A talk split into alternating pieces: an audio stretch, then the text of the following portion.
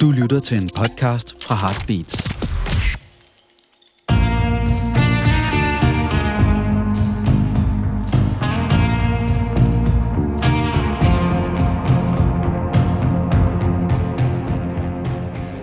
Så er det sørme blevet tid til endnu en gang rockhistorier, og dine værter er som altid Claus Lyngård og Henrik Kvejts. Og det er jo den første udsendelse i 2024 af mange forhåbentligvis. Hvad hedder det? Og når det er den første, så kigger vi jo altid tilbage, Claus, Ja. på 2023. Som jo på mange måder var et spændende år, og det har ikke, man kan måske kalde det et stort år, men det forhindrer jo ikke, at der har været en masse god musik, og vi vil jo altid godt starte med en disclaimer. Altså, vi har hørt en brøkdel af det, der kommer. Der kommer efter min mening også mere og mere, fordi at det bliver nemmere og nemmere at producere og lancere sin egen musik, så man kunne faktisk ikke lave andet end at høre Nej, også fordi mere og mere bliver til- tilgængeligt, at man kan høre det hele på diverse streamingtjenester osv. Så, videre. så helt det er jo ja. Så det er ikke nødvendigvis de bedste plader i 2023, men er de bedste plader, som Claus og jeg har hørt i 2023. Det, som har gjort indtryk, og man Ja. ja. har tænkt, der var alligevel noget der, som man kunne finde på at vende tilbage til. Det synes jeg også er et meget godt kriterie. Jo, og nu sagde du, at du gerne ville øh, starte med en disclaimer. Vi kan jo godt komme med en disclaimer mere til at starte med, fordi vi hedder godt nok rockhistorier. Men altså, hvis man vil høre rockmusik, så skal man skrue væk. Fordi der er sgu ikke rigtig mange rocknumre i øh, vores gennemgang af 2023. tre-fire stykker måske, Ja. hvis man sådan... Altså, vi har jo ikke... Altså, Henrik og jeg er jo ikke berøringsangst, vi har egentlig ikke det store sådan, åh, genre. Vi lytter til, er det fedt, er det ikke fedt? Der er to kinds of music, som du Ellington sagde, good music and bad music. Ja. Og det er på mange måder vores tommelfingerregel, at vi sådan tænder på alt muligt, og vi lytter til alt muligt, vi lytter til folk, der vi kender, der anbefaler alt muligt. Algoritme, jeg har et nummer, jeg har en band her, som jeg opdagede gennem en algoritme. Ja. Så der er jo alle mulige måder at gå til det på. Og så vil jeg også lige sige, at jeg har jo været et år, mit år har været sådan stramt økonomisk. Så jeg har faktisk ikke købt ret mange plader. Øh, så det der med at sidde og høre et album øh, fra ende til anden, jeg kan godt afsløre i dette forum, jeg har købt fem LP'er og to CD'er i det forgangne år. Ja. Men, Øh. men det der med at købe plader, det var jo også i gamle dage, Claus. Altså, det var den måde, man hørte musik på. Det behøver man jo ikke mere. Nej, jeg har hørt mange tracks. Ja. Øh, og jeg har lavet mange spillelister, øh, fordi vi hører meget musik i køkkenet. Og så skal jeg jo også finde sådan en fællesnævner, øh, hvor vi begge to synes, det er en fed spilleliste osv. Så, videre. så jeg har rigtig, hørt rigtig mange tracks. Men her kigger vi på nogle numre, som peger på nogle albums, der er værd at høre fra start til slut. Ja. Og med det sagt, så synes jeg, vi skal gå i gang. Henrik. Ja, ja det er som sagt albums, og vi... Øh, Vi starter der, er ikke nogen, der, der, ja, der er ikke nogen sådan prioriteret rækkefølge. Vi har simpelthen spillernummerne i den rækkefølge, som pladerne er udkommet i løbet af året. Lige præcis. Så vi skal tilbage til januar, Ja, tror den jeg. 20. januar. Øh, og vi starter med en veteran, kan vi roligt sige. Han er 81. Ja, det er også noget. Og det er hans Som 17. udgav. hans 17. album, han hedder John Cale, og de fleste af vores lyttere vil nok vide, at han kom fra Velvet Underground, øh, og så har faktisk markeret sig gennem de sidste seks årtier med, som producer og pladekunstner og livekunstner. Vi har set ham Utallige gange. Ja. ufattelig mange gange. Og han kommer tilbage med en plade, som er den første, hvad i 11 år, ja, siden øh, den, der hed Shifty Adventures in Nookie Wood, der kom i 2012. som faktisk var også for god. Ja, øh, og han han, ja, han er stadigvæk god og relevant og så videre. Øh, Mercy hed pladen, øh, hvor han arbejdede sammen med, med nyere navne som Animal Collective og øh, Wasteblot og en anden veteran, Tony Allen og hedder Lauren Hallow. Og på det nummer, som jeg har valgt, der skal vi arbejde han sammen med, med en fyr, der hedder Tokyo Monster, som jeg så ellers ikke kender. Det er ham, der står for det der ambience halløj, der kører i baggrunden. Og det er jo... Øh, Altså, John Cale har jo altid været en munter fætter. Ja. Og pladen her kredser også om, om temaer som Trump og Brexit og covid og klima og den almindelige højredrejning i samfundet og andre munte sager. Men han, han synes sådan åbenbart også, at han lige havde brug for at sige øh, til lytterne, at it's not the end of the world. Og det tænker jeg, det er en meget god måde at starte på, Claus. jeg. Velkommen til 2024. Ja. It's not the end of the world.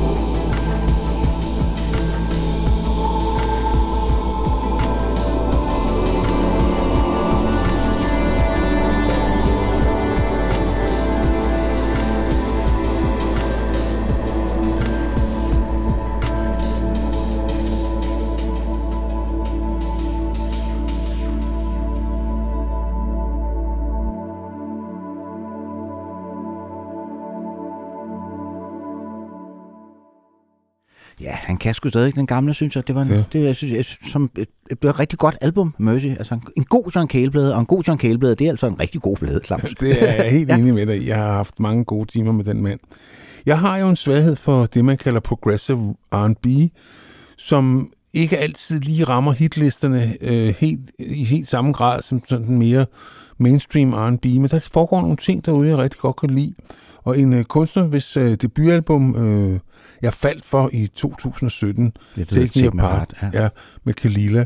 Hun har været meget lang tid om at følge det op, og nu kommer så i år, kom, øh, sidste år kom så hendes andet album, det kom i februar. Ja, hun er da åbenbart en, en, der ikke arbejder hurtigt, fordi hun er, kunne jeg læse mig, frem til faktisk 40 år. Hun er Men- 40 år gammel, ja. ja. Men, og det er kun hendes, blot hendes andet album. Ja. Hun hedder Kelila med Ja. Sande Christoph. Man kalder sig blot Kelila, når hun udsender Ja. plader. Raven hed det album, du har valgt at komme. Som er et album, man i den grad kan høre fra start til slut. Det er en meget stærk samling sang, og det er minimalistisk. Det kan jeg godt lide, Ja. øh, at øh, der er meget lidt på det. Men der er også sådan, jeg får sådan nogle øh, reminiscenser til det, vi kaldte drum and bass i gamle dage, Claus. Ja, der, der, er- er sådan noget lidt... ja. ja. Det, det kan jeg godt høre.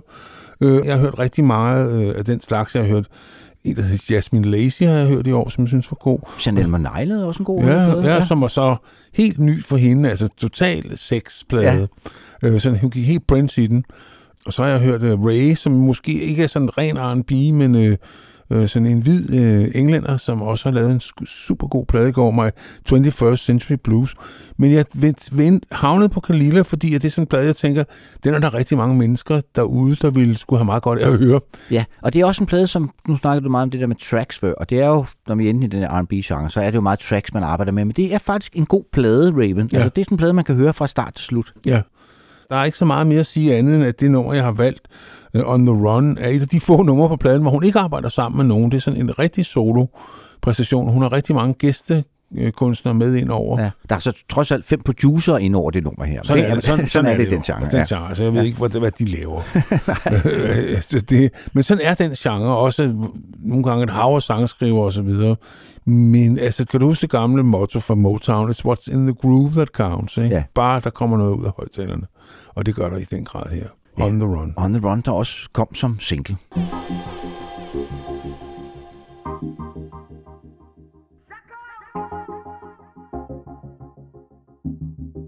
Baby, you're out on a run.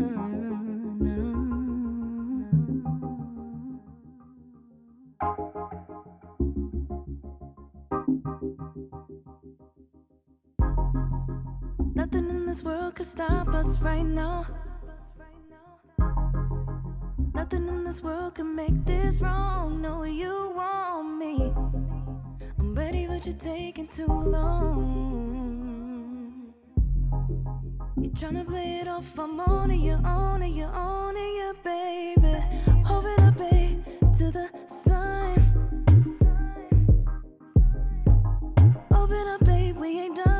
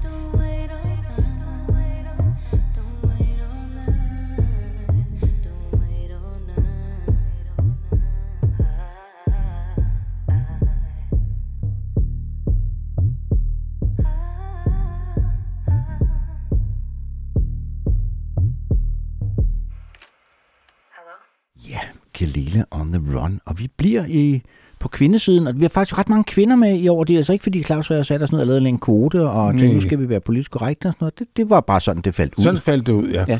Og vi har, øh, det næste, det er en øh, amerikansk kunstner, der hedder Caroline Polachek. Ja, fra Connecticut. Ja. Af alle steder, som, ja, det er blot hendes andet album øh, Ja, i eget navn, men hun har så været i gang i, i meget lang tid og udkendt en plade under navnet Ramona Lisa, og en, hvor hun kaldte sig CP, og så var hun med i et band, der hed Chairlift, som jeg ikke kendte, må jeg indrømme. Tre album har de lavet, ja. og de er gået under radaren. Ja.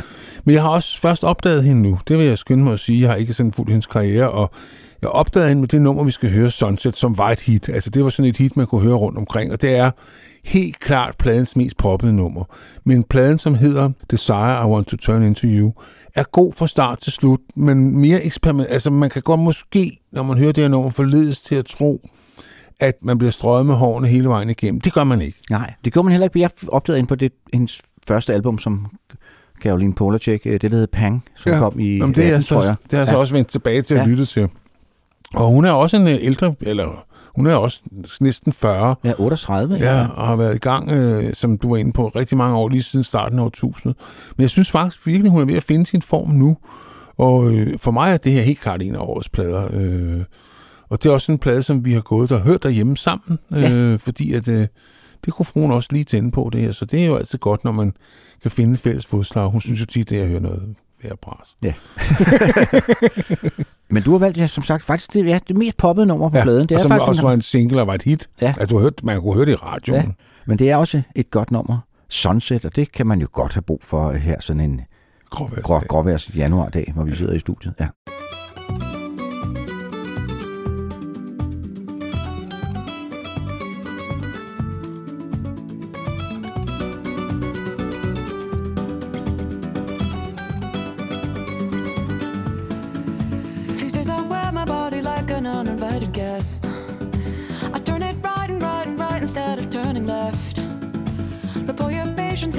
Magic on of medicine. Cause every spiral brings me back into your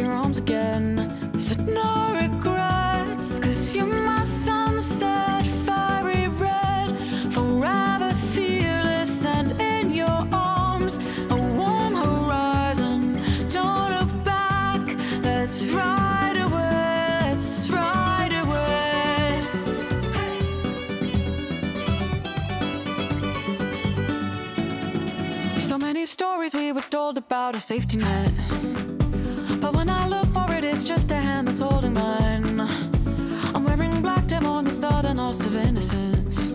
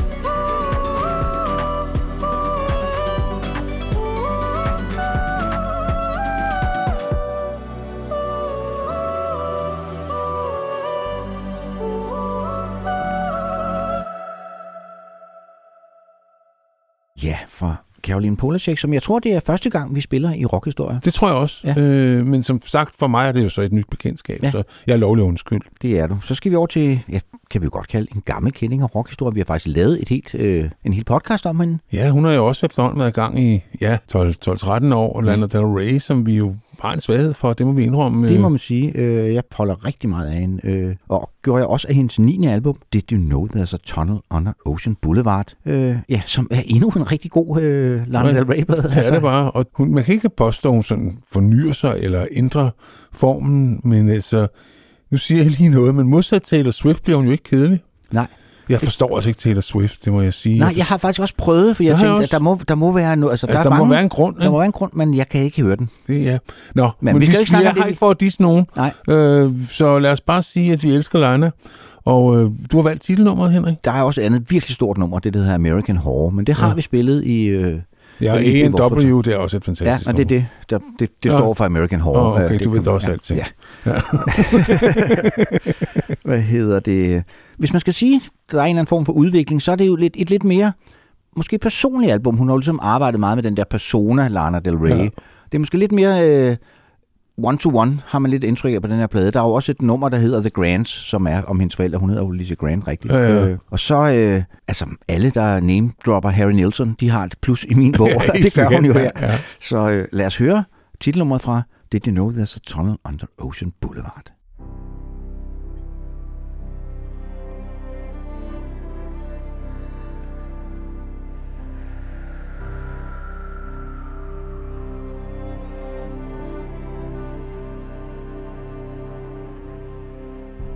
Did you know that there's a tunnel under Ocean Boulevard?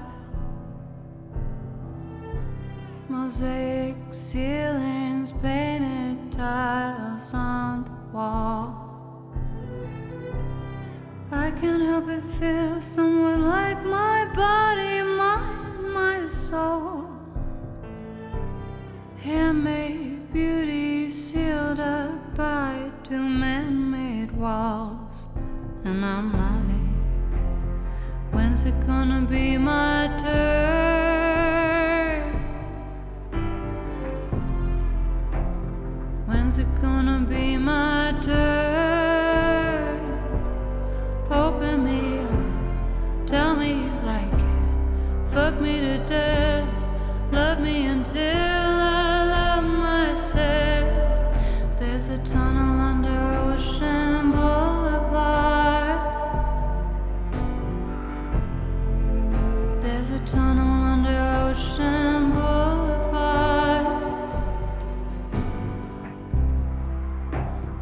girl who sings Hotel California. Not because she loves the notes or sounds that sound like flutter. It's because she's in a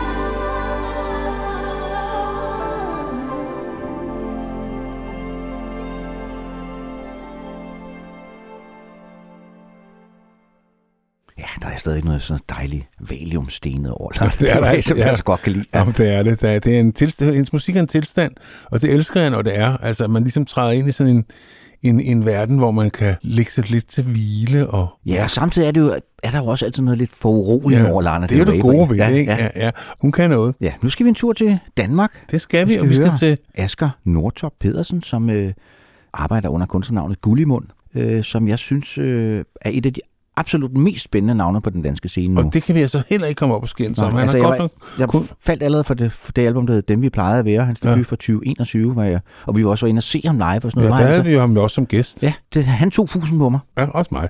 Og så har han så lige lavet en plade, der er endnu bedre. Ja. Øh, Jeg venter i lyset. Ja, som kom i marts.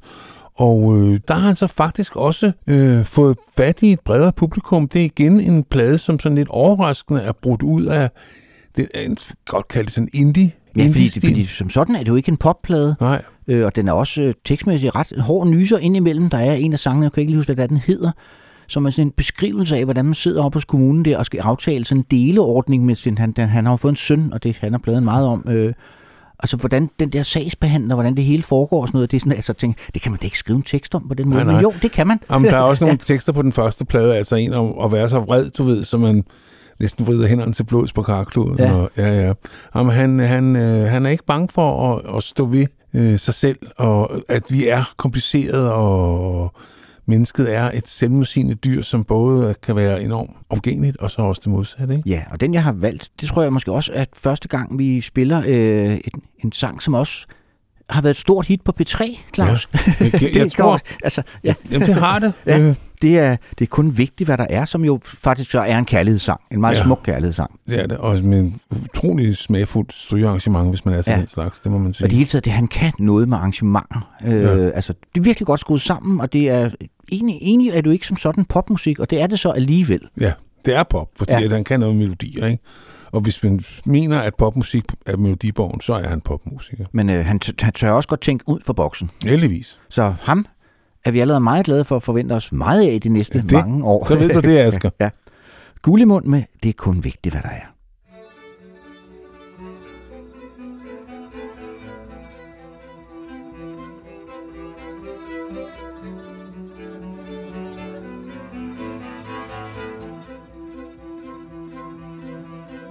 Fuck det, nu vælter solen og fortryller alle støvkorn på min bordplade. Det er helt okay at være til Luften sidder, når jeg rører ved din overflade. Det er weird at tænke på, du er en anden, så jeg prøver at lade være. Men du er ligeglad med, hvad det ligner, det er kun vigtigt, hvad det er. Ah, ah.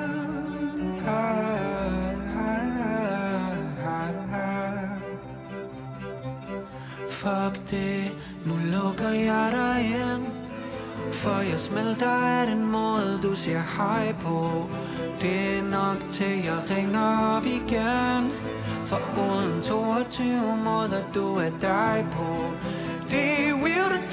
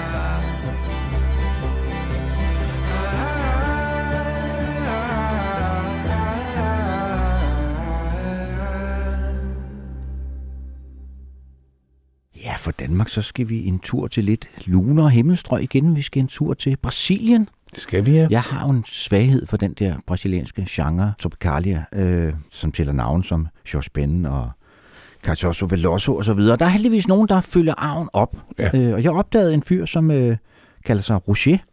Han hedder Roger José Curry, åbenbart i virkeligheden. Og nu ser vi skal til Brasilien. Det er så lidt sandet med modifikationer, fordi albumet er faktisk indspillet i Los Angeles. Ja. Men han er brasilianer, og det er jo veteranen Arthur Veokai, som står for strygearrangementerne på den her plade. Det kan Ja. ja. måske også være, at det var derfor, jeg faldt for den, skal jeg ikke kunne sige. Og du har da valgt et nummer, hvor der ikke er stryger på. Ja, det har jeg så. Men det var en, en, kunstner, som jeg ikke op... Altså, jeg kendte ham ikke før. Nej. Jeg tror, det var nede i butikken. Jeg, pludselig var der sådan en plade og et cover, og tænkte, det ser sgu meget interessant ud. Lad mig høre, hvad det er for noget. Og så var det en rigtig god plade. Det er, det er plade, faktisk hans 9. plade, Ja. ja. øh, hvor det ikke skal være løgn. Han er jo fra 75, så han er næsten 50 år gammel. Ja. Øh, så han er ikke nogen øh, vorhar. Og pladen hedder jo Curryman album, det kommer også i marts måned. Og du har valgt nummer, der hedder Existe Uma Vos, Vos, Vos. Ja, det må være noget med, Ja, jeg ved ikke, hvad det betyder. men, noget med en jeg, stemme. Jeg kan vil ikke. Nej. mit portugisiske er ikke så... Nej, ja, det er også lidt stramt der, ja. Og så er der sådan meget, der er masser af nylonstrengsgitar, som jo præger rigtig meget Austra- øh, Australien, brasiliansk musik, og det, det er også en vidunderlig klang. det er også bare sådan en dejlig plade. Sådan en, det er også sådan, du snakker om en tilstand før. Ja, Det er sådan en plade, man bliver i godt humør af at høre. ja, og det er altså ikke noget, der sker ret tit i rockhistorie. Nej. Hvad hedder det? Og det kan godt være, det er helt ved siden af. Det kan være, det er nogle meget sorte tekster, det skal jeg ikke kunne sige. Men Ja. det, det lyder ikke sådan.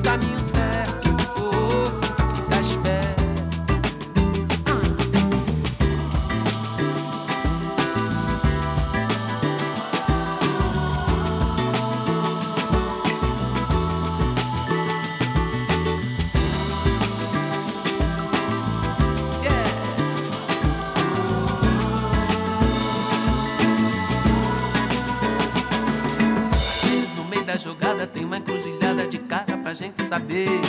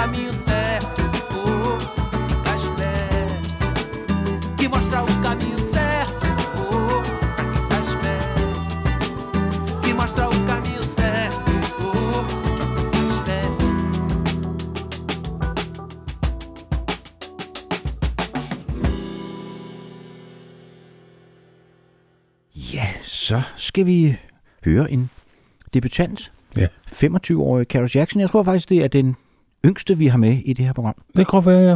Og det er sådan en plade, og det må jeg så stå ved.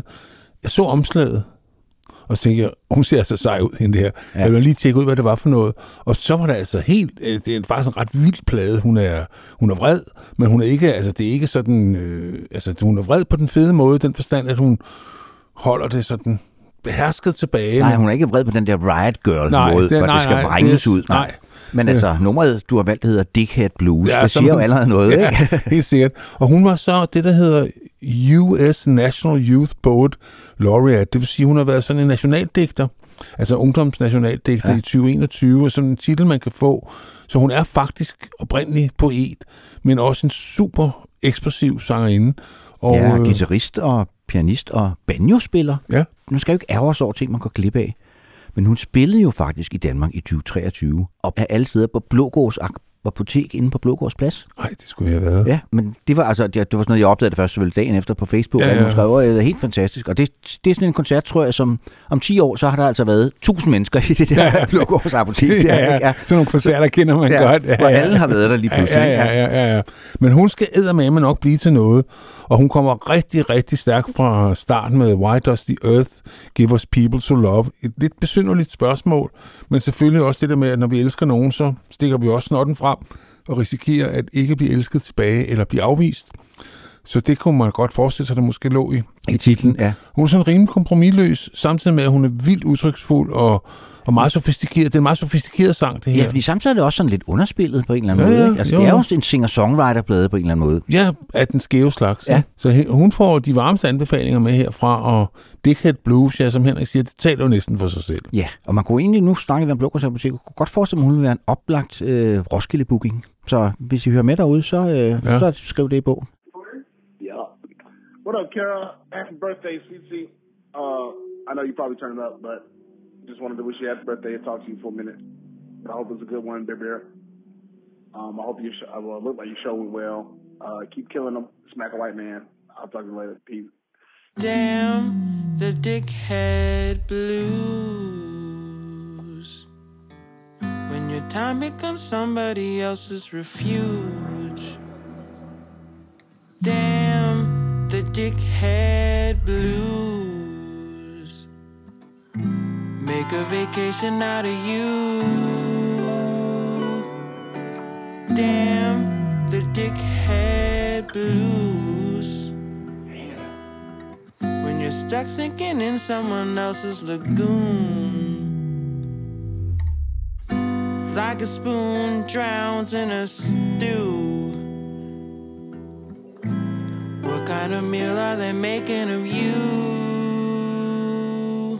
Thinking Cupid calls for you.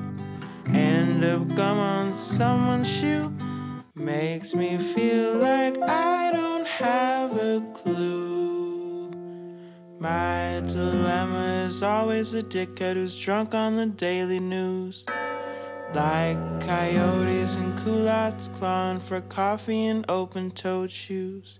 I'm no longer amused by losers who find themselves losing me.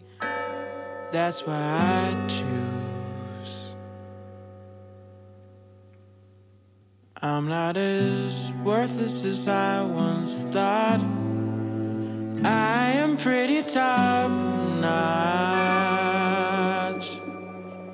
I am pretty top notch. I am pretty top notch. I'm useful. Damn the dickhead blues. When you're feeling as broke as a bottle of booze. Damn the dickhead Like a soda straw strangling you.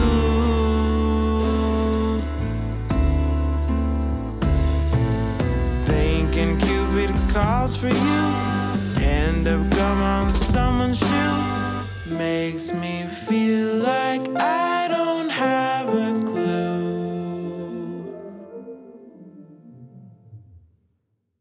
If I had a heart, if I had a heart, if I had a heart, if I had a heart, I know where to start, I know where to start. I know where to start, I know where to start. If I had a heart, if I had a heart, if I had a heart, if I had a heart, I know where to start, I know where to start. I know where to start, I know where to start.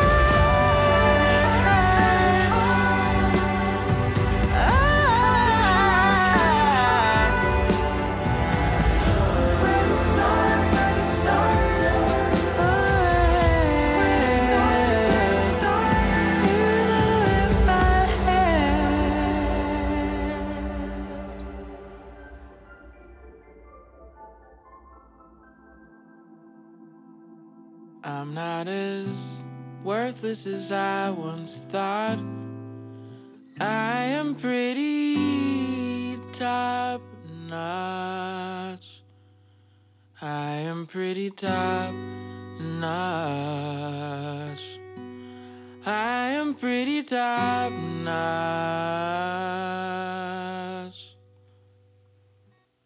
I'm useful. Dickhead Blues med Carol Jackson. En plade, som øh, ja, både Claus og jeg har gået og lyttet en del til her Ja. i 2023, og det er jo det, vi er i gang med her. Det er ligesom at gennemgå Claus' og mit musikår. Ja, Øh, og og- der, har jeg selvfølgelig også hørt en masse ældre musik, fordi vi jo laver noget, der hedder rockhistorie, hvor man hele tiden skal ned i en karriere, eller ned og høre noget gammelt. Det tager jo også... Ja, det, kræver tager også tid også, og jeg hører jo rigtig meget jazz, så der Ja. kommer jo rigtig mange fede genudgivelser også. Ja, Dem har fanden. vi ligesom sprunget over i, Ja. Men nu skal vi så høre... Der, ja, du skal, Claus og jeg har jo kendt hinanden i mange år. Vi er, ja, vi er sgu nok på den forkerte Ah. eller den rigtige side af 40 år, vi har kendt hinanden. Ja, det Claus, ja, over 40 år. Ja, Ja, det, har vi. hedder det. Men øh, derfor kan du stadig godt overraske mig en gang imellem. Ja, men det er mig. Ja, denne her gang blev jeg så overrasket af algoritme. Du ved, nogle gange man sidder og hører noget på Spotify, og så fortsætter den. Altså Ja. hvis man sidder og arbejder, Ja, ja, ja. ja. Tænker, i orden. og så er det lige pludselig, at man tænker, hvad fanden var lige det?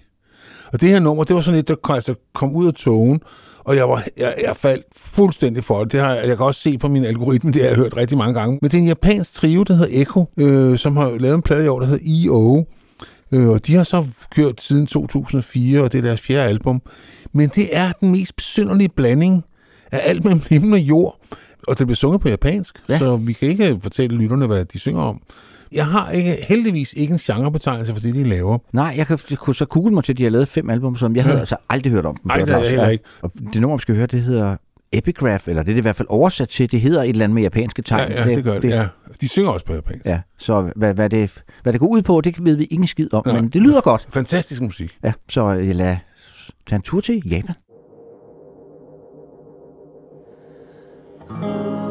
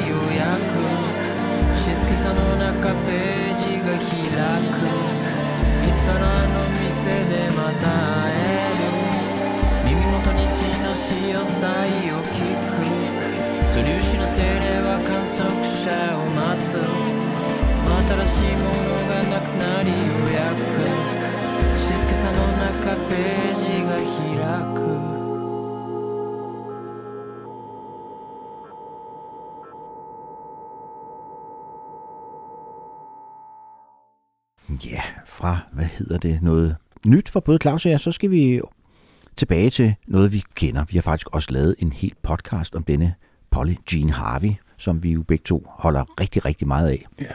Og hun bliver simpelthen ved med at, jeg skal ikke sige sprøjte, fordi det er hendes første album siden øh, 2016, men hun bliver ved med at lave gode album, og det her det er hendes 10. af slagsen, og hun har endnu ikke lavet en dårlig plade, Claus. Nej. Øh, det er det, der hedder Inside the Old Year Dying, som faktisk omrindeligt bygger på en digtsamling, hun skrev, Orlam, som er skrevet på sådan noget øh, Dorset-dialekt. Okay. Øh, men hvis man køber digtsamlingen, så er der, så står den på den der Dorset-dialekt, hun har skrevet det på. Hun er jo, hun er jo ikke ligesom de andre børn i skolegården, Nej. men sådan oversat til engelsk ved siden af, Okay. øh, så man Så man ligesom det forstår kan være med, det. ikke? Ja, Øh, ja.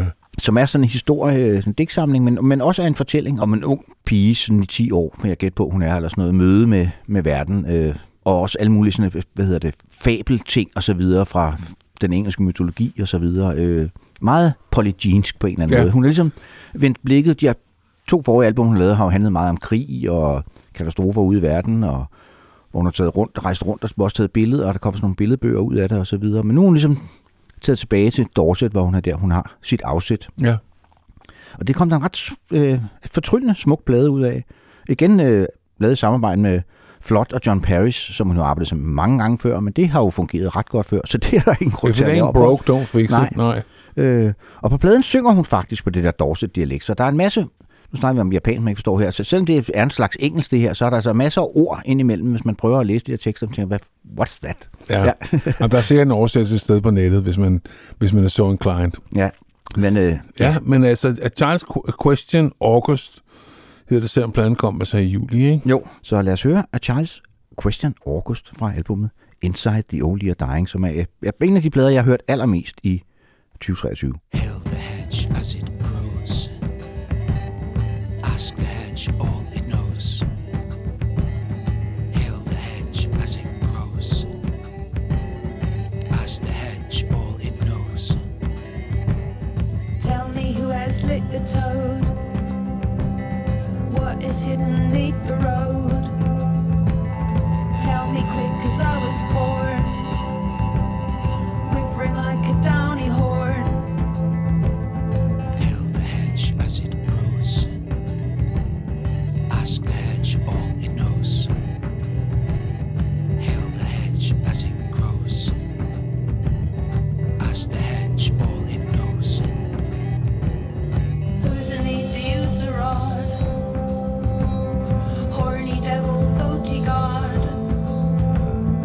What is God in earthly guise? One Memphis giant eyes.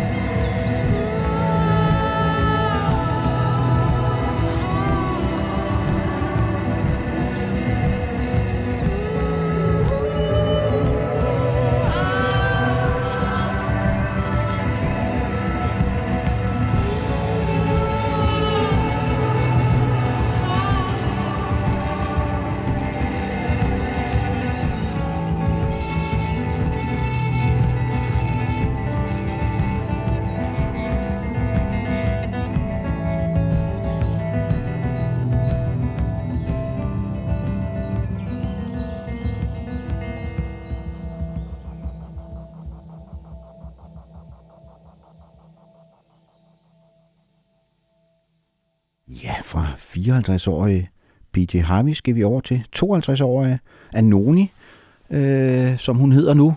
Hun var engang en mand, der hed Anthony. Ja. Øh, et band, der hed Anthony and the Johnsons, som den nu hedder Anoni and the Johnsons. Og det der Johnson, det fandt jeg så ud af nu. Det er så opkaldt efter en drag queen og kønskæmper, øh, som hed Marsha P. Johnson, og det er derfor, de hedder The Johnsons. Det er simpelthen hyldest hende. Det er hende, der også er på coveret øh, til, Okay. til den plade, der, der hedder My Back Was a Bridge for You to Cross. Øh, og Anoni slog igennem med det album, der hedder I'm a Bird Now, der kom i 2005. Men jeg blev faktisk øh, opmærksom på hende allerede, øh, da Lou Reed udsendte albumet The Raven, hvor vi var over og interviewe ham i New York. Ja. fordi der synger hun også et par numre på, på albumet. Og det var gjorde ligesom, hun også. Hun sang også et par numre til koncerterne i den periode der. Ja, øh, så, Øh. så var det ligesom Lou Reed, der, der Og bare hende, bare bare hende frem. Ja. Hvad hedder det? Og det nummer, jeg har valgt, Sliver of Ice, det bygger faktisk på en samtale, hun havde med den døende Lou Reed. Hun var oppe Okay. og besøge ham, hvor han blandt andet Sliver of Ice, det er det, han har sådan en isterning i munden. Nå, Nå, han ja. ligger på sit syge, altså på dødsleje, er det, jo, hvad hedder det, sådan, og, og, og fortæller om, hvor fantastisk det er at mærke den der isterning i munden og så videre. Det er jo så sikkert, når man er i den tilstand. De er meget små ting, man fokuserer på. ja, ikke? ja, jo, helt sikkert. Ikke så en meget, meget smuk plade. Det er måske nok hendes mest i- imødekommende plade til dato. Selvom teksterne indimellem er ret barske, så er den musikalsk meget imødekommende. Den, den er rund, rundere, Ja. end, rundere, end hun har været før. Ja, My Back Was a Bridge for You to Cross. Og hvis man ikke har dykket ned i det univers før, så er det faktisk et ret godt sted at starte med den her plade. Så øh, ja, without much further ado, Sliver of Ice. Now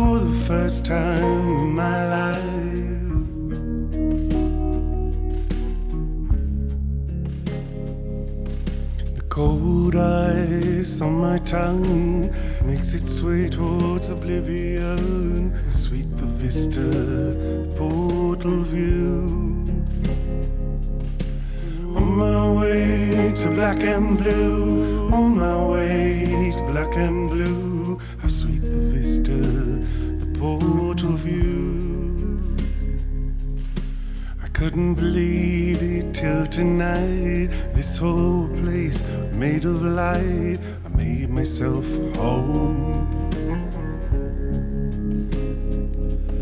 Don't know what's wrong, don't know what's right. I belong here as animals might.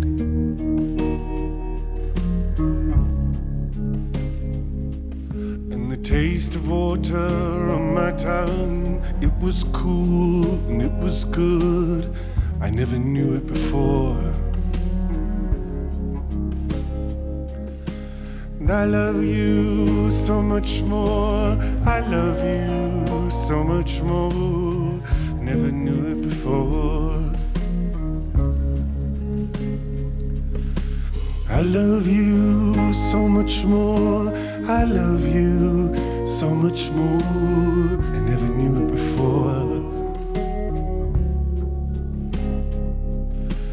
I love you so much more. I love you so much more. I never knew it before. I love you so much more. I love you so much more. I never knew it before. And the taste of water on my tongue, on my way towards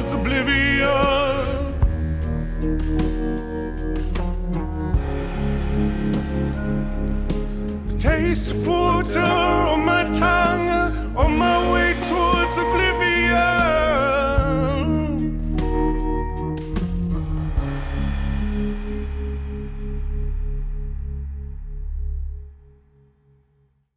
Ja, Anoni and the Johnsons.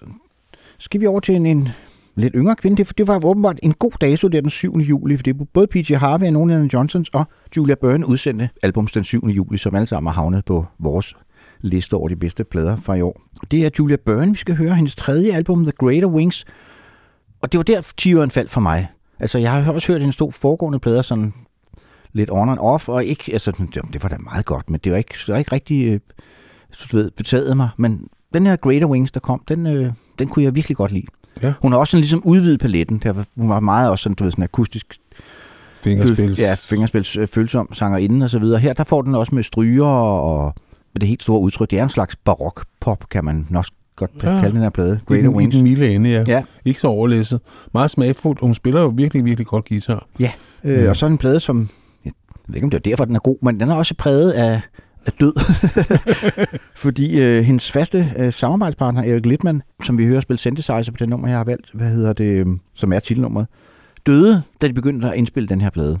Oh, så, så det er ligesom, hele pladen er lavet i skyggen af hans død, og okay. mange af teksterne kredser også omkring, hvad hedder det, sorg og tab og Ja, så videre. ja. Men derfor kan det jo godt være godt, og på en eller anden måde opløftende. Vi, Øh, altså, sørgelig musik gør jo også to glade. Ja. Det har vi jo snakket om mange gange. Vi er nok ikke de eneste, fordi der er rigtig meget sørgelig musik derude, og der er også et publikum til det, så det er åbenbart en trend, Henrik. Ja. Der kan vi altså ikke påstå, at vi er forgangsmænd. Nej, og så er det en plade, der er meget smagfuldt. Øh, I scenesætter en fyr, der hedder Alex Sommers, som jeg så fandt ud af også arbejdede rigtig meget sammen med ham der John C. fra øh, Sigur Ros. Ja, De har ja. lavet en del plader sammen. Øh, og så er det ham, der står for den musikalske iscenesættelse, og det vidste jeg så ikke, og det kunne man måske ikke rigtig høre, på Bob Dylan's Shadow Kingdom, den der koncert, øh, Nå, som kom i år. Det, ja. ja. altså, da den bliver indspillet, der er det ligesom, han er ikke producer, der er jo heller ikke nogen kritiseret nogen på pladen overhovedet. Øh, men det er ham, der ligesom står for at sætte det i scenen. Okay. Ja, vi kan lige give et lille shout-out til Bob Dylan her. Det gør Øh, vi gerne. Shadow Kingdom øh, er også værd at tage med i betragtning. Men nu skal vi høre Julia Byrne og titelnummeret fra The Greater Wings. Mm.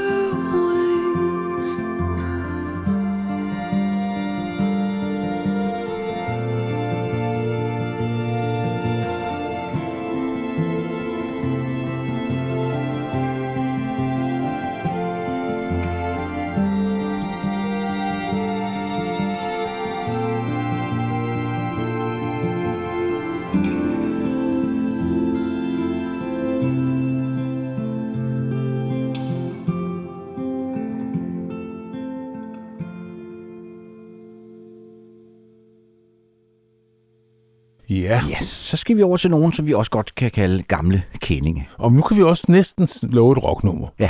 Og det er jo Blur, som faktisk bliver ved med at være gode.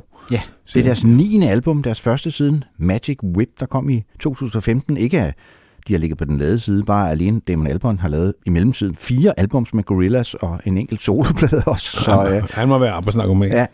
Men øh, de har virkelig øh, fundet en eller anden tone her på, synes jeg, som det brænder, de brænder, synes jeg, for det. Øh, det, kan det man, gør de. Det var sådan, ja, så, så- da jeg hørte, at der skulle komme en ny blødeplade, Ja, ja, så tænkte jeg, "Nå, har vi nu brug for endnu en blødeplade? Øh, men det havde vi. Ja, det havde vi. Og The det var Ballad of virkelig en- Darren, som opkaldt efter deres roadie, åbenbart. Darren Smog Evans, øh, som er sådan en, det er en hyldest til Ja, ham. jamen, det, altså, de skal da også have noget. Ja. Og de skulle øvrigt også have spillet, jeg var så ikke på Roskilde Festival i år, øh, eller sidste år, 2023, men der skulle de have spillet en helt forrygende koncert, kan jeg forstå på dem, der var der. Ja. Ja, ej, jeg må sige, Roskilde, det magter jeg ikke, som man siger på nudansk. Til gengæld så magter jeg virkelig at høre The Battle of Darren, og det nummer, du har valgt, Barbaric. Ja, det er jo så det tætteste, vi kommer på sådan good old rock and roll. Ja, det var også det, hvor jeg valgte det sang, og det er måske også sådan det mest, mest arketypiske blø-nummer på pladen. Ja. Bortset fra singlen The Narcissist, som også er en meget Blødsk, titel. ja. Ja. Jamen altså, tryk den af, Henrik.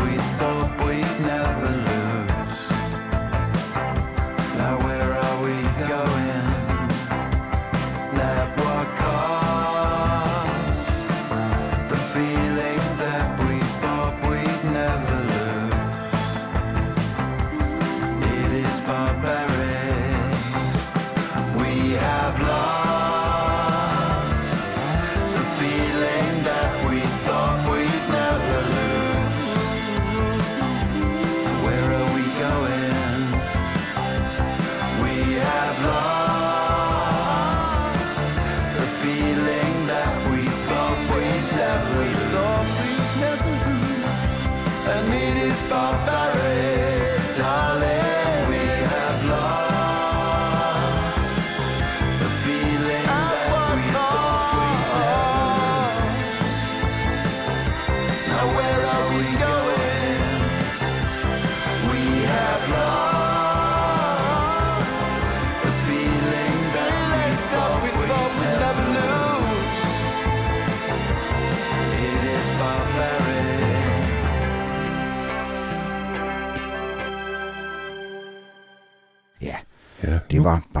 med Blur, øh, og jeg kom til at tænke på her, det, det kan sgu godt være, at vi skal lave en podcast om Blur, Claus. Ja, det kunne Øh, være sjovt. Det, kunne det det, kan jeg meget godt, jo. jo. Øh, det er et band, som jeg faktisk ofte vender tilbage til. Ja, og det er også et band, som har været sådan, altså der er en, der er en udvikling. Øh, Ja, helt sikkert. Ja, de har været nede igennem. nogle forskellige veje. Ja, det har de i Og- den grad, ja. Helt sikkert. Det næste navn, det er jo sådan, det er meget sjovt. Altså, det, jeg tror, det er første gang, vi nogensinde har haft en triplet-plade med på en årsliste. Ja. Og de er jo tit en blandet landhandel. Ja. Jeg siger heller ikke, at den her er perfekt, men det nummer, vi skal høre, det var, da jeg fik den der algoritme fra, øh, hvad hedder det, Spotify.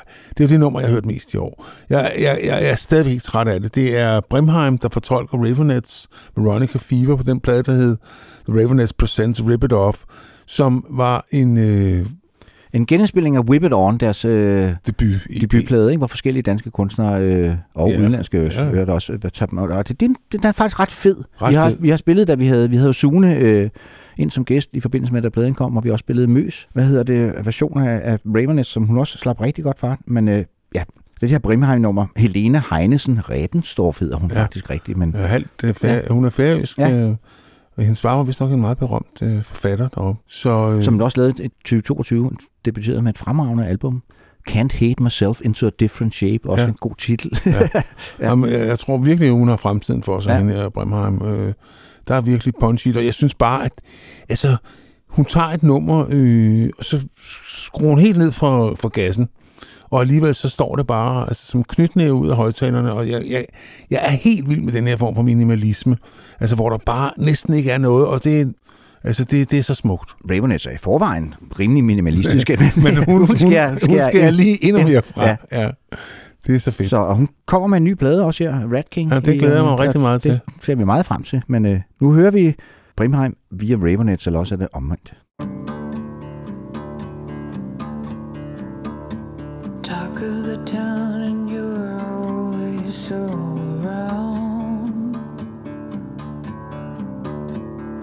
Holding me down to that sultry, sexy sound. Walking around with your whip right off the ground. Listen to her and she'll tell you what she found.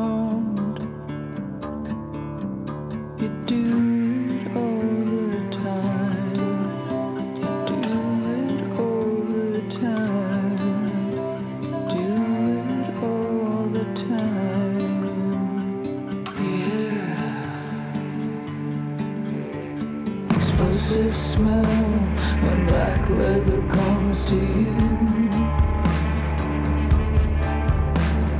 Beating that ass with the chain gang of love.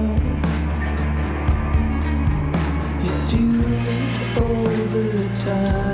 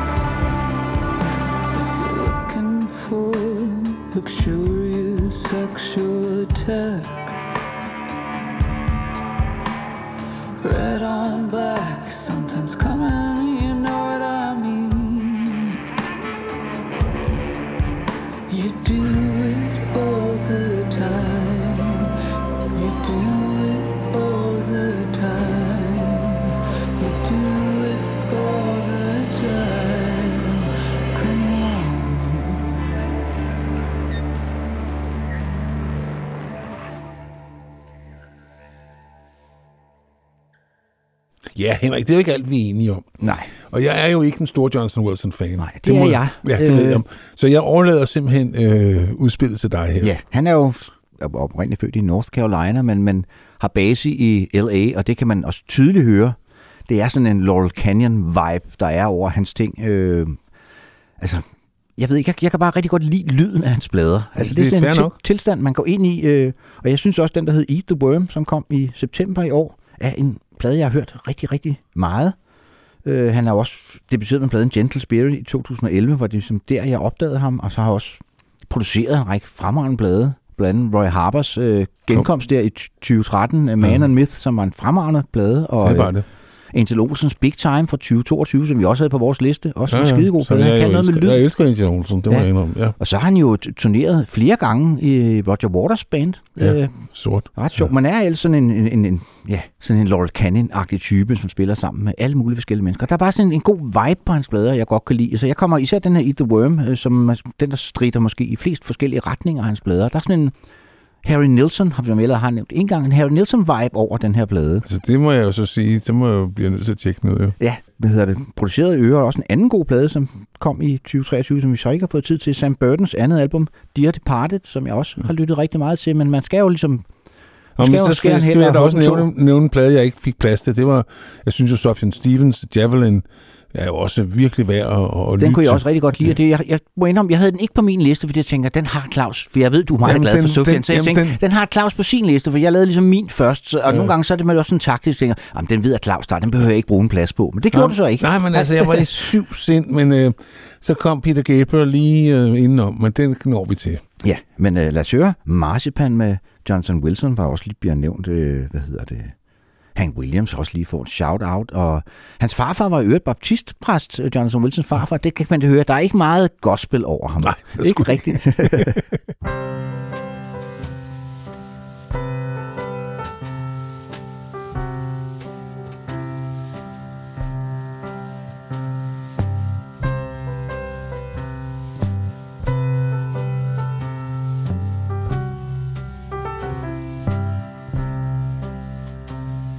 Williamsburg, early 20s, your old Mercedes sedan. It was a fever dream starring marzipan. In the Polish part of town, they were all sort of clowns. You lived with a struggle to love your bland delight. Hank Williams and folk music had sort of changed me. Well, that threw me into the deep end, be honest, it felt like rock and roll was gone. Like I had moved on. To Roy Acuff and Chet Atkins, Sacred Arboretum was a rock and roll crematorium, and jazz was there too. In fact, jazz had been there all along. I knew these no playing motherfuckers were not brothers of mine, they sisters divine. No, they were chat room, AOL, and truffle shaving eBay scamming freaks with gear on the brain. I know it sounds insane, but these people got paid to play.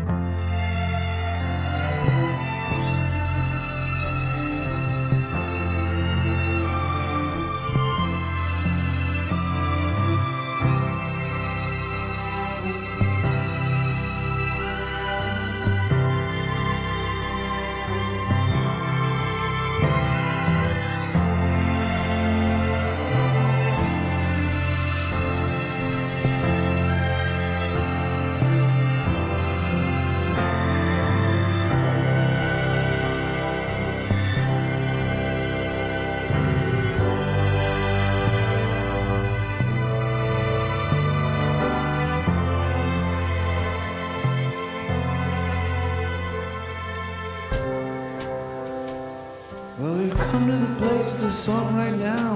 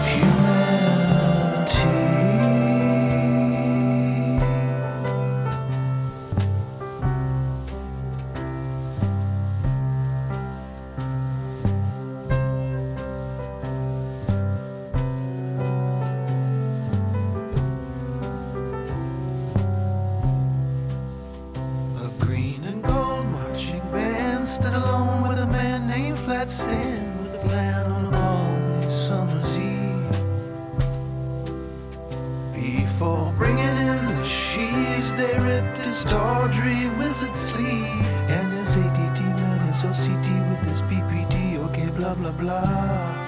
New England shit, Terrence, I love you.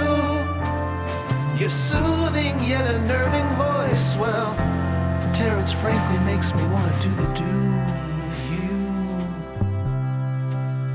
You know, I saw the little elves with you. Johnson Wilsons Eat the Worm, som han i øvrigt har udsendt. Han er også en musiknørd og musiksamler og så videre. Er meget inspireret af en fyr, der hedder Jim Penbroke. Så jeg tænker, Jim Penbroke, who the fuck is that? Det er så den engelske sanger i det finske band, der hedder Wigwam. Kan du huske dem? Ja, det kan jeg godt huske, dage? som, øh, som jeg ikke har tænkt på i 30 år. Eller Ja, sådan noget. nej. Jeg kan ikke engang huske sådan rigtigt. Var det ikke sådan prog-rock-agtige Jo, bands? altså jo, jeg kan huske, man så tit deres plader i brugte... Øh, tænkte, man, ah, Wigwam, det lød sgu ikke som noget, jeg havde brug for. Ja, fylde det kan være, at vi er gået glip af noget, Jamen, Claus. det kan godt være, men altså, det er altid sjovt at opdage noget nyt gammelt. Ja. Så det kan da være, at vi lige skal holde øje med det. Det, det, det, er Det er, ikke, det er ikke så meget finsk musik, øh, vi hører. Jeg trænger, Pista jeg, jeg, jeg trænger til at gå på en plademis. Ja. Men øh, nu skal vi så til noget, som er sådan lidt jazzet i det. Der er jo den der South London jazz scene, som har været ret frodig de sidste par år. Og der er en trommeslager på, øh, der hedder Yusuf Days. Og han har udsendt en plade i år, der hedder Black Classical Music. Og det skal nok tages meget bogstaveligt, fordi det er jo jazzen, som han regner for de sortes klassiske musik. Og den Ja, er, det er måske ikke, øh, at den slog igennem øh, sammen med en fyr, der hedder Yusuf Kamal på et album, der hedder Black Focus. Så det Ja. er jo meget noget, der ligger ham på sinden. Helt sikkert. Øh, og øh, han, er, han er jo en forrygende trommeslager, det er der slet ingen tvivl om. Men øh, jeg kan jo rigtig godt lide klarinet. Og jeg kan næsten endnu bedre lide basklarinet. Og han har en gut med her, der hedder Shabaka Hutchinson, som spiller den fedeste basklarinet. Og jeg er godt klar over, at det her det er ikke populært hjemme i køkkenet, det her musik. Det kan jeg godt det sige. ikke, ja. Nej, det er det sgu ikke. Øh, og der er en helt stor udtræk på. Der er også en blæsergruppe, tuba, trompet og trombone. Øh, og så er der en bassist, der hedder Rocco Palladino, som laver en, altså et groove, synes jeg, to die for. Jeg er godt klar over, at vi går way out of øh, rockhistorie, sådan normale øh, parametre, men det er bare en plade, jeg har hørt enormt meget. Jo, og det er, det, det er det hele tiden, som du var inde på, meget, meget frodig, den der engelske jazzscene, Ja. ja. så kører nu med, også med Sons of Kemet og Ja, ja. ja. Birchall, og hvad fanden de hedder alle Ja, ham der, Øh, der spiller trommer for The Smile, han kommer jo også derfra, hvad den hedder. ja, Tom Skinner, tror jeg, han hedder. Ja, han kommer også fra den scene. Ja. Ja. Ikke? Altså, det er, der sker noget der lige nu, og det er jo sjovt, altså man tager engelsk jazz. Det er jo sådan altid været sådan lidt...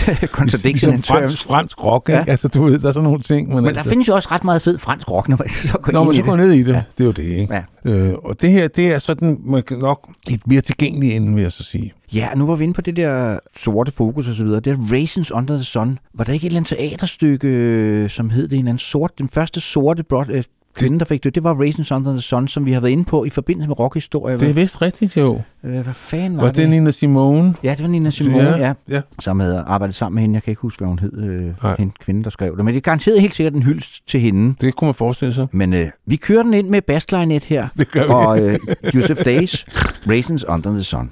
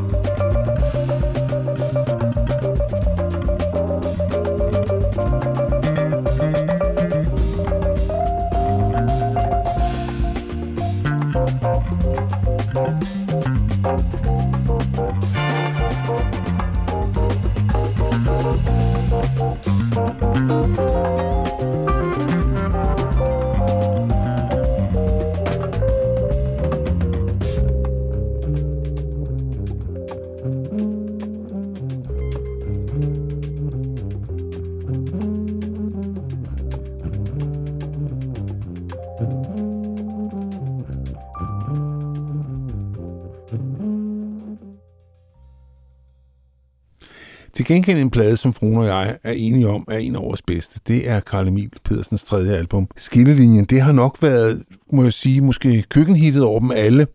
Der er jo helt klart, at han arbejder inden for den traditionelle, han er en traditionalist, øh, og hans sange følger på mange måder, sådan kan man sige, reglerne, som vi husker dem fra det 20. århundrede, men han er bare så god til det. Det er han. Øh, og, og det er en plade, som måske skiller sig lidt ud for de foregående plader, han har lavet, som meget har handlet om at være ung. Nu er han ligesom blevet gammel, han er blevet 34 år Ja, uh, og blevet far og så videre. Og det er nogle temaer, der ligesom ligger underliggende på pladen. Det var også en plade, jeg hørte rigtig meget, fordi jeg arbejdede lidt sammen med ham forbindelse, han udgav pladen, øh, så jeg hørte pladen rigtig meget, Ja, den er da den kom. Ja, en god plade, ja. Øh, og altså, jeg, jeg, jeg synes, alle hans øh, tre soloplader, jeg var jo på for ulige numre lige fra starten, men jeg synes faktisk, øh, han er blevet bedre. Øh, der var altid noget på de der ulige nummerplader, ah, tænker jeg. Ja, det var sådan, de, de var ikke så homogene. Der Nej. var altid nogle pissegode numre Pisse på. numre. Men her altså, der er der ikke nogen problem med at høre det fra start til slut, synes jeg. Øh, Det flyder, og han har et super hold med. Øh, læg mærke til basspillet på det her nummer. Det, det bærer altså virkelig nummeret igennem. Og så er der altså et eller andet med, at han griber min hjertestreng. Og det er der altså, jeg er jo... Det kan man ikke Jeg er en hård negl, Henrik. Ja. Men, Men, du er også meget... Når man så først rammer dig, Claus, så er der jo ikke noget. Så, der er ikke så noget. åbner jeg også, ja. ja. Og jeg synes bare, at den her plade, det er en gave. Så lad os da høre Karmil Pedersen og Skillelinjen.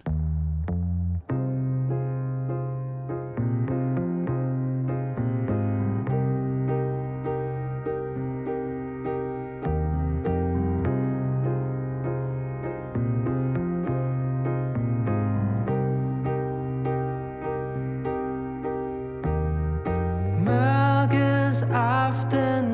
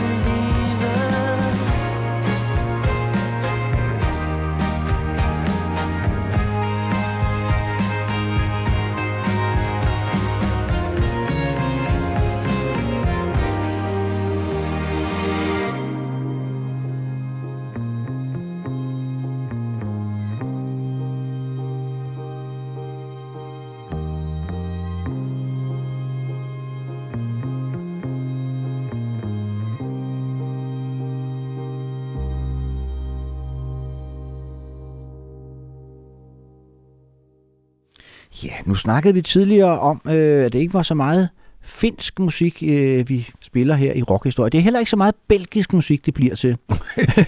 det må man nok se øjnene. Men øh, det gør det nu, fordi vi skal høre sangerinden øh, Melanie Di Biagio, som jeg opdagede i 2017, da hun udgav det fremragende album, der hed Lilies. Ja, som jeg også, det har jeg også hørt. Ja, og så gik tilbage og fandt ud af, at hun før det havde lavet et rigtig godt album, der hed No Deal, som kom i 2013, og før det faktisk et, der hed A Stomach is Burning, der kom i 2007.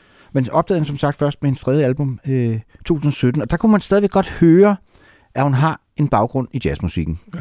Det kan man så ikke så meget på det nye Il Viaggio. Det er meget eksperimenterende. Ja. Og hun kommer virkelig ud i nogle hjørner, som man, hun ikke har været ude i før. Ja, som jeg har hørt rigtig meget. Også fordi som, sagt, det er sådan en tilstand, øh, og jeg synes faktisk, det er sådan en dobbelt, det er en dobbelt LP.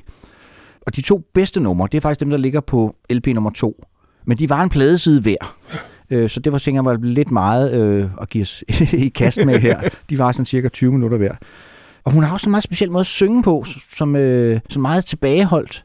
Snakkesynger gør hun jo nærmest på en eller anden måde, ikke? Brikkesang, eller Ja. hvad det hedder. Ja. Og det har jeg så øh, læst mig frem til, at det er fordi hun på et tidspunkt, så fik hun en eller anden sygdom, så gjorde hun ikke måtte tale næsten i et helt år. Okay. Og det er så det, der gjort, at hun har udviklet den her måde at synge på, fordi hun åbenbart ikke kan tåle at belaste stemmen særlig meget. Jeg synes, det fungerer Men hun kan ikke lade være med at synge. Nej, det det kan er hun jo super fedt. Jamen, Ja. øh, hun er sådan en, man, man, man skal lytte til. Det er det. Altså den forrige, den der hed Lille, som jeg snakkede om, er mere sådan en, en, en regulær plade, kan man sige. Det startede faktisk i forbindelse med en kunstudstilling, hvor man... Øh, som hed Traces and Tracks, tror jeg, øh, hvor, man, øh, hvor, hvad hedder det, hvor hun så gik tilbage og fandt ud af, at hun, øh, hun har, hun har åbenbart italienske aner. Hendes farfar er fra Italien. navnet lyder også italiensk. Ja. Det lyder ikke særlig belgisk. Og det var ikke en, øh, det var ikke en, spor, hun ligesom havde fulgt så meget, så hun flytter simpelthen op til den der bjerglandsby, hvor hendes farfar kommer fra, og bor i et halvt år og så videre, og det er ligesom der pladen er ud. Okay. udtænkt. Og øh, lay your ear to the rail hedder det, altså læg hvad hedder det, øret ned til, til jernbanesporet, ikke? Altså man kan høre Ja, det. ja. det, det der er sådan noget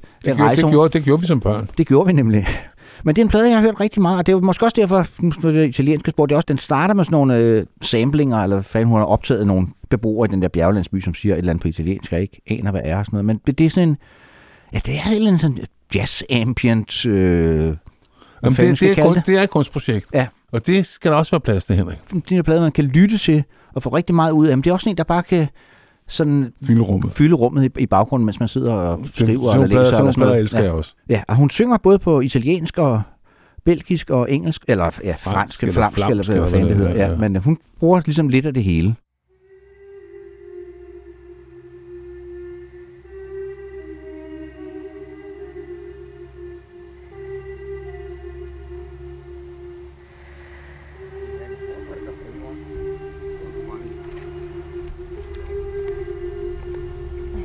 Là passa il, fiume, il mare no, ma la montagna, è, eh, mica tanta montagna è tanto...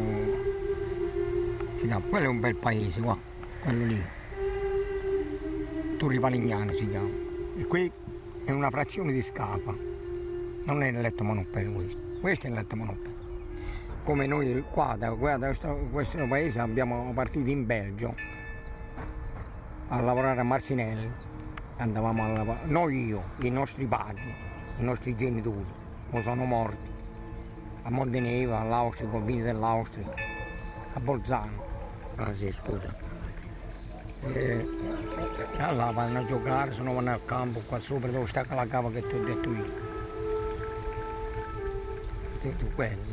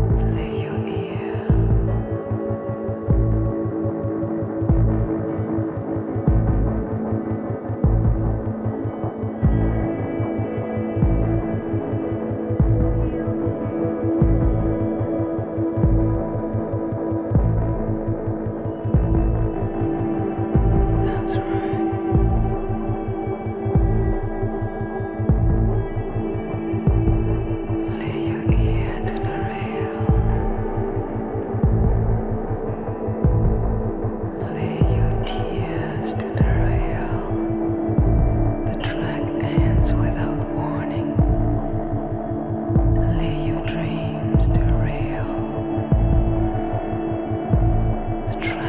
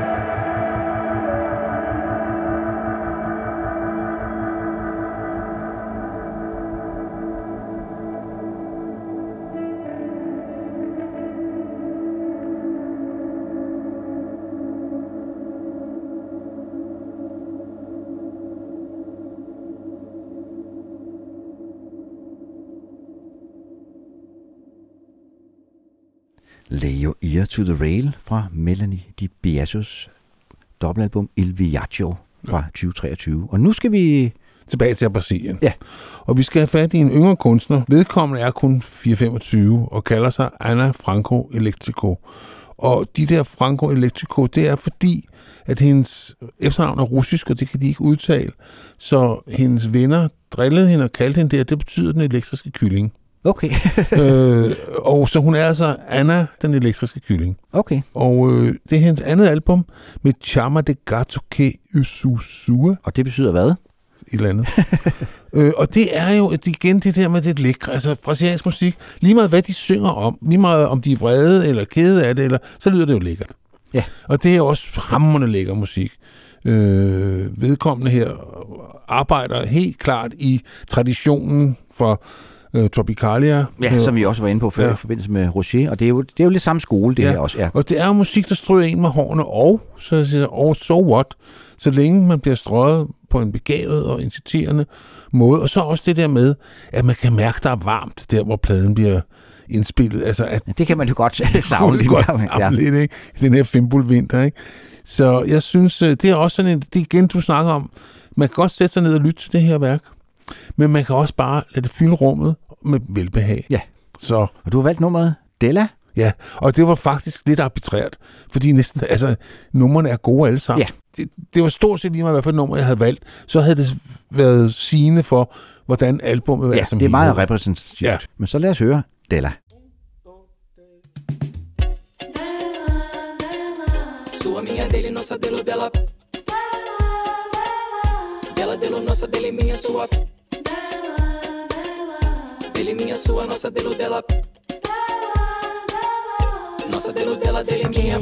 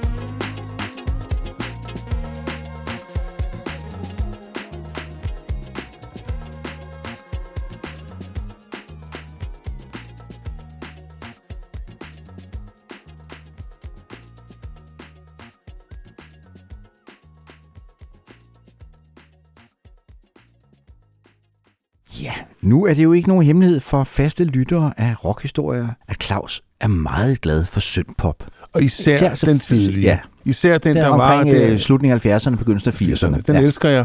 Og så er det jo skønt, når der er et band, der udsender en plade, der lyder fuldkommen ligesom da far var 24. Ja. Og glad i låget, og øh, dengang Syndpoppen kom frem, der havde jeg jo tænkt, at sådan lyder fremtiden. Det var lyden af fremtiden, tænkte jeg. Øh, jeg hørte alle de her bands, og så tænkte jeg, sådan bliver fremtiden. Jeg tog lidt fejl, øh, fordi at, øh, sådan lyder det ikke i dag. Men et band, der havde nogle rigtig dårlige år, Orchestra Manures in the Dark, som også bliver kendt som OMD, Ja, som kommer fra ja, en lille by, Liverpool, der hedder- Liverpool. Viral hedder den, tror jeg. Ja, en lille by, der ligger uden for Liverpool. Jeg ja. tror, det er en slags forstad, ja. Ja, Andy Og, øh, McCloskey og Paul Humphrey hedder det. Ja. Det er sådan en duo. Ja. Ja, og øh, de lavede tre fantastiske albums i rap i starten. Og så gik der sådan lidt, øh, så blev det sådan lidt udvandet. Øh, Paul Humphries forlod foretagendet og så videre. Så kom han tilbage for nogle år siden. Ja, det, deres hovedværk er vel det, der hedder Architecture and Morality, Ja, ikke? som det er kom det. i, i 81. Ja, det er også meget sådan Orchestral Maneuver the Dark titel, Ja, altså ja, ja. Architecture and Morality. Den, den nyeste album hedder jo så Bauhaus Staircase. Det er også Ja. sådan helt til... De kan godt lide den der tidlige modernisme, ikke? Og det kan jeg også. Ja. Og øh, denne, altså, denne her plade, den er skamløst nostalgisk. Bandet lyder, som det gjorde i sin storhedstid. Ja. Øh, og de prøver ikke på nogen som helst måde at integrere alle de landevindinger, der er sket siden.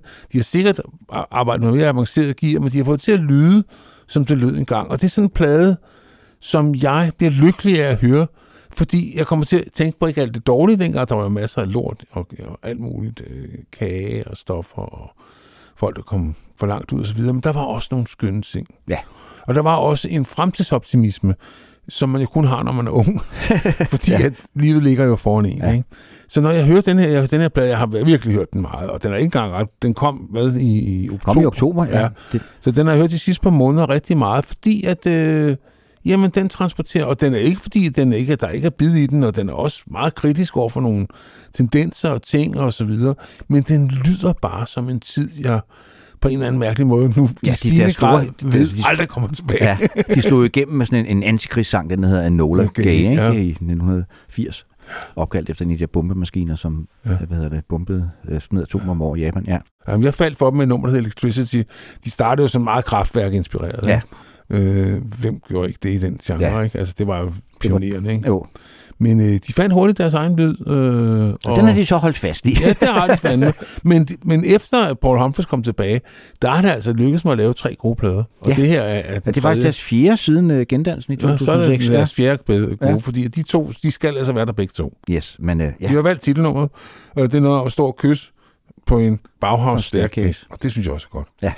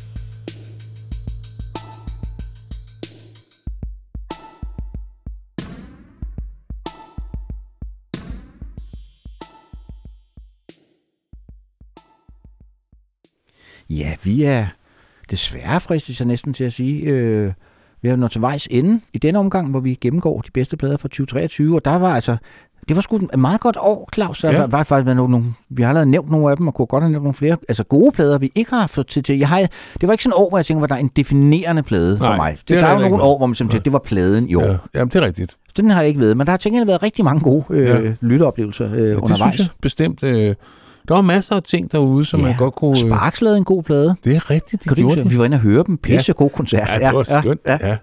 Vi var desværre ikke inde og høre Divo, der var rigtig mange. De var jo på afskedsturné. Ja, det skulle vi sgu nok have været, Ah, kunne jeg det forstå, hvor det hele kunne jeg er. godt se, ja, det Ja. var sådan lidt ærgerligt, men altså, man kan jo ikke nå det hele, Nej. Henrik. Og jeg har jo også måttet holde en lidt lav profil og så Ja. Så. Men til næste år tager vi revanche. Der skal vi se rigtig mange gode koncerter og høre rigtig mange gode plader. Så vi til næste år på samme tid kan præsentere 20 numre fra 2024. Og det kan vi blandt andet gøre, fordi I støtter os, kære lyttere, øh, og tusind tak for, I gør det. Og vi kunne da godt bruge nogle flere, der støtter os. Kom. Så øh, hvis du kan lide, øh, hvad du hører, så skal du gå ind på heartbeats.dk og finde rockhistorier. Og når du gør det, så er der sådan en rød knap, du kan trykke på, og derved støtte os via et valgfrit beløb, som så bliver trukket fra din konto. Ikke hver gang du lytter, men hver gang vi lægger en ny podcast op. Og du kan vælge at lægge 10 kroner, eller 20 kroner, eller 1000 kroner, hvis du er meget rig. Øh, vi foretrækker selvfølgelig det sidste, men... Men, men, Men vi er meget forstående. Ja, meget, ja. Hvad hedder det? Så endnu en gang tak til jer, der har støttet os igennem de sidste efterhånden. Ja, en del år, vi har lavet den her podcast. Hvad startede vi i 17, Claus, eller sådan noget? Det gjorde vi faktisk, Ja. april 17. Men så vi, vi, vi, vi er slet ikke færdige endnu, Claus. Så, det er vi, øh, nej, nej, vi har ja, altså masser, vi ikke har nået. Ja. Men vi startede jo med en, en af de tunge drenge, en gammel, en veteran, og sådan en lidt yngre model her, vi violer ind nu, han er kun 73. Ja, herregud. en Vorhar, ja. Vorhar, ja. Øh, Peter Gabriel, som jo, pladen kom jo meget sent, den kom først den 1. december, så gengæld har vi så ventet på den i, hvad, 22 år? Ja, hvad hedder det? Jeg tror, hans forrige, det var den, der hed Op, der kom ja. i 2002. Ja. Så, ja. Så vi altså har- kun 21 år. Er kun 21 år. Og han har faktisk annonceret den rigtig mange gange, og skulle efter sine have indspillet altså så mange tracks, og genindspillet og så videre. Men Ja. her lander han altså med sit gamle hold. Ja, og lander og lander, fordi han kunne så ikke rigtig blive enig med sig selv alligevel, fordi pladen udkom faktisk på vinyl i to forskellige mix, et bright mix og et dark mix, og hvis man køber CD-boksen, så er der faktisk også et tredje mix med, altså øh, mix Det er så for, for Peter Gabriel fanatikere. Ja, og jeg, jeg har sådan prøvet at lytte lidt til de der to øh, også, mix, ja. og jeg synes altså ikke, der er den voldsomt store Ej, forskel. det kan jeg sgu heller ikke sådan lige sige. Det er, at- de siger, der er lidt mere bund og punch i den, der hedder Dark Side Mix. Og det kan også godt være, men, men det er ikke sådan, som man tænker, hold da op. Nej. Det er det ikke. Og han har samlet det gamle hold, David Rhodes på guitar, Tony Levine på bas og Manu Katché på trommer, som jo har spillet med ham i utallige år. Så der er den der arketypiske Peter Gabriel-lyd. Det er der, og så er der jo en vis Brian Eno, er jo med på det nummer, du har valgt på, øh, på klokker og synthesizer. Jamen, han har, været, han har ret meget ind over, ja. øh, Brian Eno.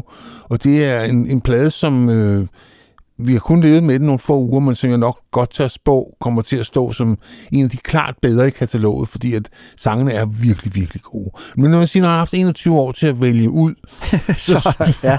så skulle man så gengæld også tro, at han kunne have bestemt, hvad for et mix det skulle være. Men det kunne han så Det kunne han ikke. så ikke. Nej. Men, men vi er gået med, jeg er gået med Brightside Mixet, fordi det er jo ligesom det, jeg hørte først. Og jeg har valgt åbningsnummeret Panopticon, som jeg egentlig synes slår tonen meget godt an, og altså at 73 år at være, så er der sgu ret spralsk, Peter. Ja, og det, der, der er stadigvæk også, altså der er jo en fin rød tråd tilbage til de der gamle, øh, Ja. som især de der fire første Peter Gabriel Som, det plader, er som jeg dem, har en virkelig... som, som dem, vi godt kan lide. Ja, ikke? netop. Jeg Ja. sige det Ja. der, ikke? Ja. Jo. så, ja, men tak, for, tak fordi I lyttede med og på genhør næste gang, og så... Øh, Ja, næste gang tager vi jo så fat på den sørgelige side af rockhistorie, kan vi sige, fordi vi, så skal vi så tage afsked med dem, som forlod os i 2023. Det er jo også en fast tradition, vi har. Vi ligesom giver en hyldest til dem, der forlod denne tilstand. Øh, Dem, der fik, dem, der fik vinger. Ja. ja. Tak for i dag.